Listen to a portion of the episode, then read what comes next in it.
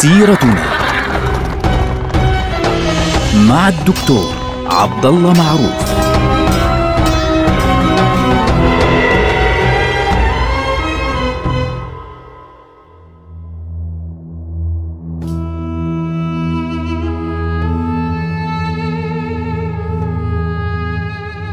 السلام عليكم ورحمة الله وبركاته. سيرتنا سيرة هذه الأمة العظيمة ونحن الآن في عهد أبي جعفر المنصور.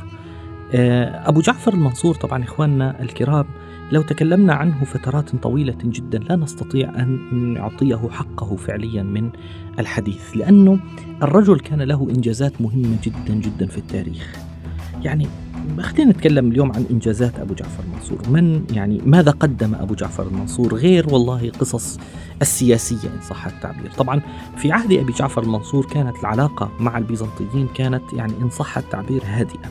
يعني ليه؟ لأنه أبو جعفر التفت إلى تثبيت حكم الدولة في نفس الوقت الإمبراطور بيزنطي في ذلك الوقت كان اسمه قسطنطينوس الخامس يعني كان عنده مشكلة في منطقة البلقان مع البلغار فما كانش كثير مهتم في الموضوع. في المقابل أبو جعفر المنصور كان له اهتمام بتثبيت الأمور على مستوى الدولة.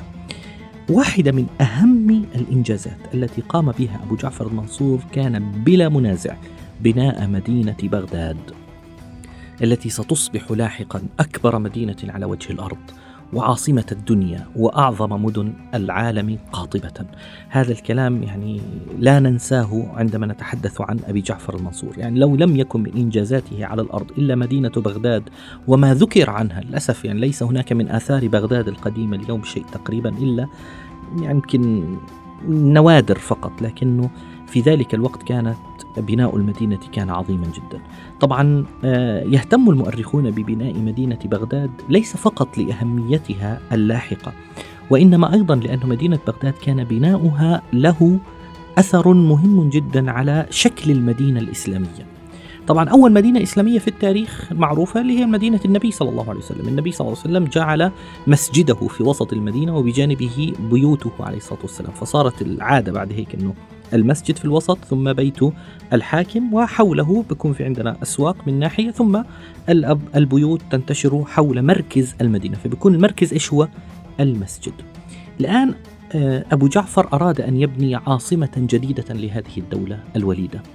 فأرسل من يختار موضعا لمكان مناسب هيك. فبدأ الناس ب اللي هم المستشارين يختارون عدة أماكن وهو بنفسه كان يشرف على عمليات الاختيار. كان طبعا الاختيار له عدة طرق يعني قيل طبعا تذكر عدة روايات بعضها بيقولوا إنهم كانوا يرموا بعض القطع مثلا اللحوم والى آخره ويشوفوا كيف متى تتعفن إلى آخره حتى يشوفوا الجو. إنه هل الجو مناسب؟ هل الجو متعب؟ هل الجو كذا؟ بعضهم بيقول إنه كانوا يغرزون يعني بعض القصبات في الطرق وكانوا يرون متى تمتلئ بالماء متى تفرغ إلى آخره. ويعني هناك عدة طرق لكن كانت الطريقة التي اعتمدها. أبو جعفر المنصور مهمة جدا لأنه اختار مكان في غاية الدقة لمكان مدينة بغداد. طبعا الموضع الذي اختيرت له مدينة بغداد كان موقعا يلتقي فيه نهر دجلة مع واحد من الروافد هو اسمه نهر الصرا هذا المكان في هذا الموضع الصغير كان اختيار موفق يعني اختياره كان دقيقا جدا. فهو بتيجي نهرين بيجوا عن طرف اللي هو نهر دجلة الكبير ونهر الصرا من طرفها الآخر. فأبو جعفر عند ذلك اختار الموضع بنفسه وعاين المكان قال هذا أفضل مكان حسب الاختبارات التي أجريت. لاحظوا الاختيار الاختيار مش بيتم والله أنه يلا إيش رأيكم؟ هاي حلوة. لا لا هناك اختيارات قائمة على أسس علمية. فاختارها أبو جعفر ثم بدأ في بنائها وكان ذلك في عام 145 للهجرة. ينتهي العمل بعد أربع سنوات 149 للهجرة. أربع سنوات تم فيها بناء مدينة من الألف إلى الياء. تخيلوا مدينة كبيرة جدا من الألف إلى الياء. وهذه المدينة ستبقى عاصمة للعباسيين منذ عام 149 لحد سنة 656 للهجرة عند سقوطها على يد المغول. يعني بنتكلم عن حوالي 500 سنة تقريبا من 766 للميلاد حتى 1258 للميلاد يعني حوالي 500 سنة تقريبا. هذه الفترة الطويلة كانت فيها بغداد عاصمة الدنيا. طبعا هؤلاء العمال اللي جابهم من كل مكان يعني اشتغلوا في هذه المدينة بين قوسين يعني زي ما بيقولوها بالعامية من من قلب فعلا. آه، جعلت المدينة وهذه ميزتها جعلت المدينة مستديرة.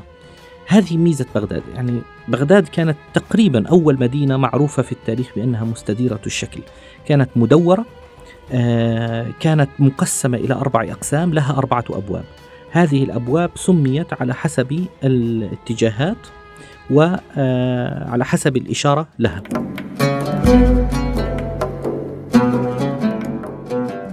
في الوسط في وسط المدينة بالضبط أقيم قصر القبة الخضراء. كان هناك قصر للخليفة قبته له قبة خضراء وبجانبه كان يوجد مسجد جامع المسجد الكبير الجامع له مسجد بغداد الكبير وحوله قسمت المدينة إلى أربع أقسام. كما قلنا كل قسم سيكون له باب. الحوالين الأقسام هاي أول شيء جعلت الأسواق حول الأبواب ووزعت البيوت بشكل مميز في هذه الحواري الأربعة. طبعا الشكل الدائري هذا اللي هو شكل لا متناهي إن صح التعبير يعني ما في ما إلوش زوايا وبالتالي يمكن أن تتوسع المدينة بشكل آه، بسيط بشكل سريع. أيضا جعل لها ثلاثة أسوار يعني قيل سورين وقيل ثلاثة أسوار واحد منهم اللي هو أهم واحد كان السور الأساسي الكبير اللي بالوسط وكان له قنوات من الماء وخنادق حول هذا السور. فبالتالي كانت المدينة آه، بهذا الشكل الجميل فعليا عاصمة لهذه الدولة الوليدة. بهذا الشكل أنشئت مدينة بغداد وبدأ شحنها بأكثر الإمكانيات بالصناع بالمهندسين بالعاملين بالطراز بالحرفيين وجاء الناس من كل فوج ومن كل حدب وصوب ليسكنوا في مدينة بغداد التي أنشأها أبو جعفر المنصور. أيضا في أبي جعفر المنصور يعني ذكر أنه في سنة 143 دي الهجرة يعني أثناء آه، بناء آه، مدينة آه، أو قبيل بناء مدينة بغداد إن صح التعبير. في سنة 43 أو 143 عفوا للهجرة بدأ علماء المسلمين في ذلك الزمان كما يذكر بعض المؤرخين في تدوين الحديث والعلوم الإسلامية. يعني بدأت في عهد أبي جعفر المنصور عمليات التدوين. فبدأ آه، تدوين الحديث بدأ تدوين الفقه وبدأ تدوين التفسير في البداية. آه، ابن جريج كان في مكة يدون. آه، مالك الإمام مالك رحمه الله كان قد ظهر في ذلك الوقت في المدينة المنورة وكان يكتب كتاب الموطأ. وأيضا ظهر في عهد أبي جعفر المنصور الأوزاعي في بلاد الشام وبدأ يدون ويكتب في الحديث. والأوزاعي قبره معروف في جنوب بيروت. وظهر أيضا ابن أبي عروبة ظهر حماد بن سلمة صاروا يدونون في البصرة. وأيضا كان معمر يكتب في اليمن وسفيان الثوري كان يدون الفقه في الكوفة. وابن إسحاق صاحب كتاب المغازي سيرة رسول الله صلى الله عليه وسلم اللي هو أول كتاب في السيرة النبوية مباشرة كتبه في هذه المرحلة في عهد أبي جعفر المنصور. وأيضا من أهم الشخصيات التي ظهرت في عهد أبي جعفر المنصور كان أبو حنيفة. الذي كتب أبو حنيفة رحمه الله صاحب الفقه المذهب الحنفي. وكان أول علماء المذهب الحنفي ظهورا وبعده طبعا ظهر آه الإمام مالك. فأبو حنيفة ظهر في عهد طبعا هو كان في بداية نهاية العهد الأموي كان حيا وعاصر آه، بداية العهد العباسي حتى وفاته في عهد أبي جعفر المنصور. طبعا آه، كتب أبو حنيفة رحمه الله في الفقه وفي آه، العلوم الأصولية في عهد أبي جعفر المنصور وكان له تلاميذه حتى وفاته رحمه الله. لكن طبعا يذكر أنه أبو جعفر المنصور أراد من أبي حنيفة رحمه الله أن يتولى الفقه. فرفض أبو حنيفة. طبعا يعني أبو حنيفة كان رجلا زاهدا في المنصب ما قال ما بديش أنا, أنا آسف. فأصر عليه أبو جعفر المنصور قال له بدك تستلم القضاء. فرفض. من هون لهون ترفض لا ترفض أقبل لا أقبل. وصل الأمر به إلى أن أمر بضرب آه، أبي حنيفة رحمه الله ثم سجن أبو حنيفة. وتوفي رحمه الله في السجن. هاي معلومة ما بيعرفوها كثير من الناس أنه أبو حنيفة توفي في السجن بعد عدة أيام من آه، من سجنه رحمه الله.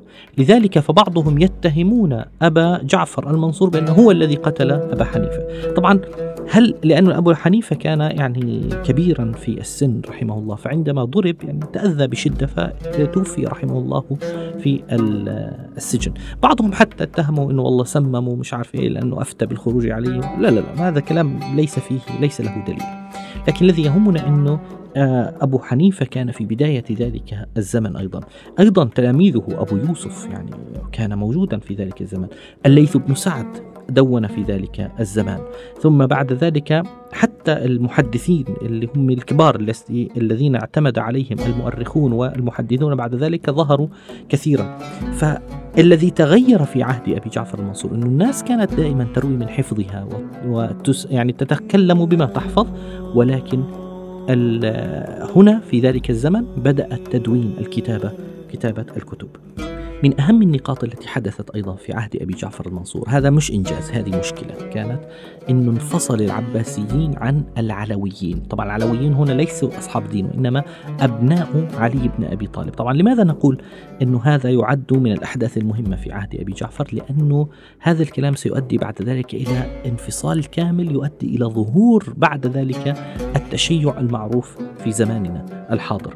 وكان أبو جعفر المنصور يعني أول من انفصل في زمنه العباسيون عن العلويين لأنه أحفاد علي بن أبي طالب وأحفاد العباس بن عبد المطلب كانوا الاثنين في بداية العهد العباسي مع بعض في خلال عهد آه، أبي العباس السفاح. لكن بالنهاية انفصل الاثنان عن بعضهما وحدث أمر يعني شديد في ذلك الوقت اللي هو حدثت ثورة من آه، محمد ابن عبد الله بن الحسن اللي هو معروف باسم محمد النفس الزكية آه، خرج على أبي جعفر المنصور فقتل في المدينة في معركة حدثت في المدينة المنورة و يعني بالنهاية بدأ الأمر يشتد على هؤلاء الناس آه، اللي هم العلويين. هذا أحفاد الحسن يعني قتل منهم آه، هذا الرجل اللي هو محمد النفس الزكية.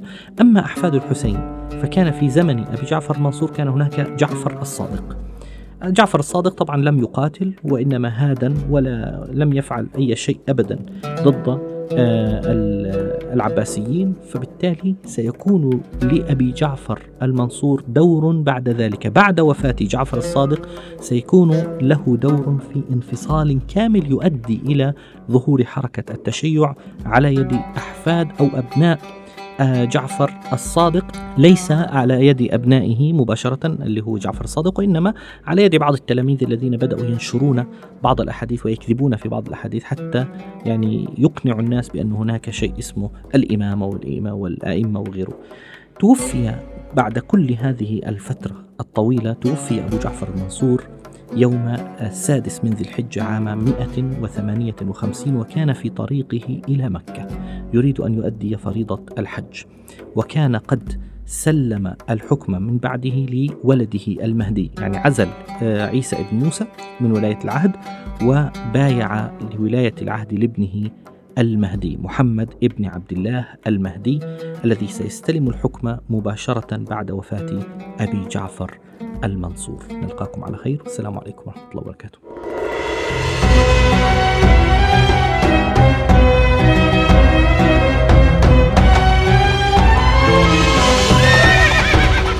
سيرتنا مع الدكتور عبد الله معروف.